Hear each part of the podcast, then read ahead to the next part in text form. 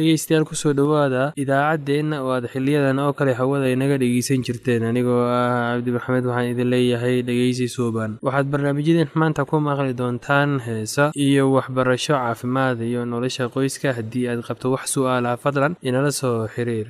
Ciwaankeenna waa radio somaly at yahu dt com. Mar labaad ciwaankeenna waa radio somaly at yahu dt com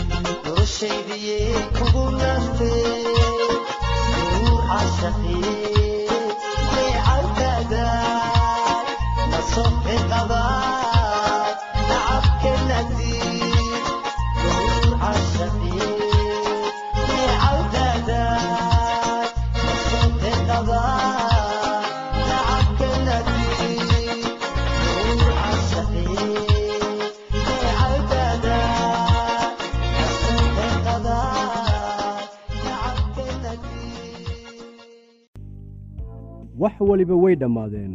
Qofkii aad wada joogteen maanta waxa uu doonayaa inuu qof kale la joogo. Miinadii kol hore ayaa la riday oo ay qaraxday. Haddaba maxaad samayn? Shantan siyaabood keebaad dooran. Ta koowaad inaad jilbad jabsato oo aad tuugto qofkii aad wada joogteen oo aad weyddiiso inuu dib kugu soo laabto. Tan labaad inaad ballanqaadyo culculus samaysid oo aad u sheegtid qofka kale inaad noqonaysid sida uu kaa doonayo waxa aad ballan ku qaadaysaa inaad isbeddelaysid. Ama tan saddexaad waxaad iska dhigaysaa mid murugsan oo waad ilmaynaysaa si uu markaasi uu qofku kugu naxariisto. Haddii ay taasi shaqayn weyso malaha markan waad barowran oo oohin la ajligeed ayaa wejigaaga ku bararayaa laga yaabaa fikraddan afaraad inuu shaqeeyo haddii ay kuwii kale shaqayn waayeen. Waxa aad ku dhaaranaysaa inaad dabaq fuuli doonto oo aad halkaas iska soo tuuri doonto si aad u dhimato maadaama aanad haddeer nolosha qiimo u arkin. Kuuma muuqato wax faa'iido ah oo aad u sii noolaatid. Bal eeg fikraddan shanaad uga mahadnaq qofkii aad wada joogteen wakhtigii aad wada qaybsateen kadibna kala dhaqaaqa oo mid waliba guri gaar ah ha ku noolaado. Aalaa qofka la furay marka waxa uu dareemayaa xanuun oo caro la ajligeed ayaa waxa uu u horarayaa qofkii kale. Waxa uu sidaa u samaynayaa inuu ishilmaansiiyo xanuunka furitaanka. Adiga laftaada waxaa dhici karta inaad andacootid oo aad qofkii caysid oo aad tustid sida uu xayawaan ama nacas u ahaa markii ugu horraysay ee aad wada kulmayseen iyo siday u wanaagsanaan lahayd haddii aad iska furi lahayd waa hore. Waxaa jira wax qalbiga qofka ku jira laakiin marnaba uusan afka ka odhanaynin laakiin waxa uu ku haysanayaa maskaxda. Waxa uu is odhan karaa isaga weeye midka aan i doonaynin laakiin aniga weli waan doonayaa. Marka warku ku saabsan waxa aad adigu tahay faafo cid ku rabaysa ma jirto. Maadaama aad aniga diidday waxa aan isku taxallujinayaa inaan arko adiguna inaanay cid ku rabin. Mararka qaar ka aargoosashada noocan ah ayaa waxa ay u dhacdaa si cad oo weerar ah. Markii uu cumar furay sacdiya waxay ku tidhi isaga iyada oo qaylinaysa inaad sidan samayn weligay waan ogaa. Markii hore ayaan qalad sameeyey maba ahayn inaan ku guursado inaad qofka waxyeelaysaad jeceshahay sow ma ahan. Marar badan ayaad ii waxyeelaysay oo aan xitaa tiradoodu xusuusan laakiin marka aad ii dhammaysay wax walbaan ku siiyey oo wax walbaan kuu sameeyey bal haddana fiiri sidaad iila dhaqmaysid. Allah haddii aan sidaan ogaan lahaa markii horeba weligaa iima aad roonayn mararka qaar marka dareenka xiriirku kor ahaa qofka doonaya furniinka waxa uu ka helayaa qofkii kale jawaab ku salaysan goodin wax isdabamarin iyo xitaa dagaal.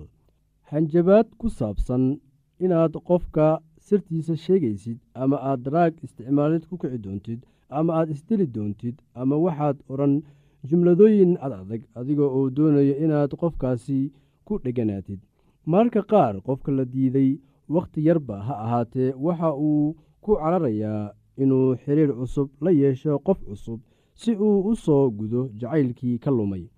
Iska ilaali inaad qof jeclaatid isla markii lagu furo. Xusuuso haddeer wax waliba oo aad samaysid adiga ayay dushaada tahay waxaana laga yaabaa inaad ku degdegtid xiriirkan. Maxaa wacay? Waxaad doonaysaa inaad buuxisid meeshii bannaanayd jacaylka noocaas ah kadib furniinka allah waa mid been ah oo muddo yar gudaheeda ku soo gebagabooba haddii aad ka naxaysid oo aad weli xurmo u haysid qofka bilaabay furniinka waxaa wanaagsan inaad qofkaasi wakhti siiso furniinka dabadii si uu uga fikiro oo bal u eego inuu wax qalad ah sameeyey intii aad xiriir cusub bilaabi lahayd. Wakhti ku filan c oo ka bixi shakiga ku jira maskaxdiisa ama maskaxdeeda. Markaan isku day inaad wax wanaajisid waxa aad qofka kale u sheegtaa in isbarashadii aad isbarateen runtii ay aad ugu wanaagsanayd oo aanad fahamsanayn sababta ay u dhammaatay laakiin haddii ay sidaa dhacday aad u rajaynaysid farxad kaamil ah. U xaqiiji qofka inaad weligaa saaxiib la ahaanaysid. Markii wax waliba la yidhaahdo oo la sameeyo aqbal xaaladda oo u isticmaal sida kugu wanaagsan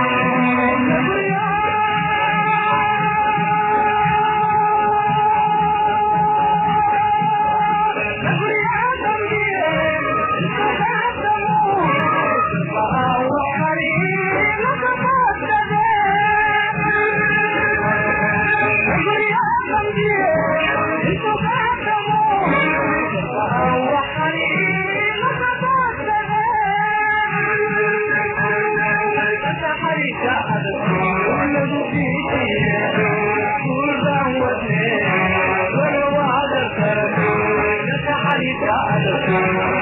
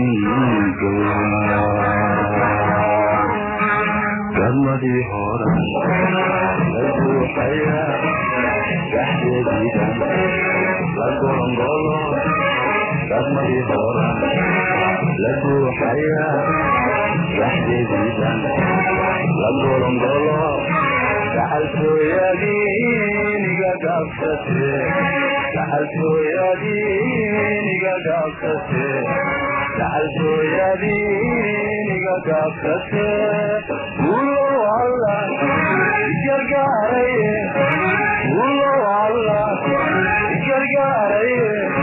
gabdhayo hogalab wanahagta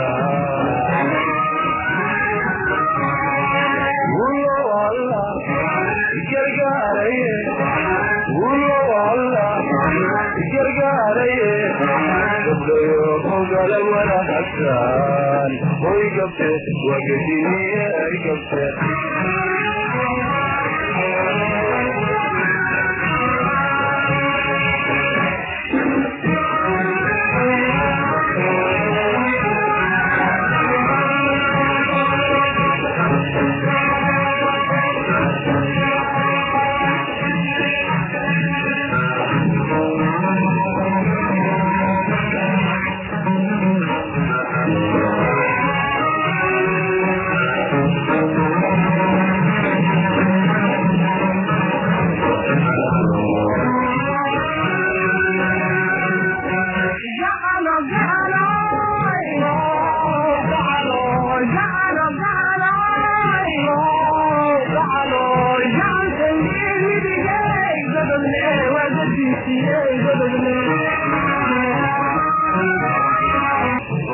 hoy gabte wagadiniye ay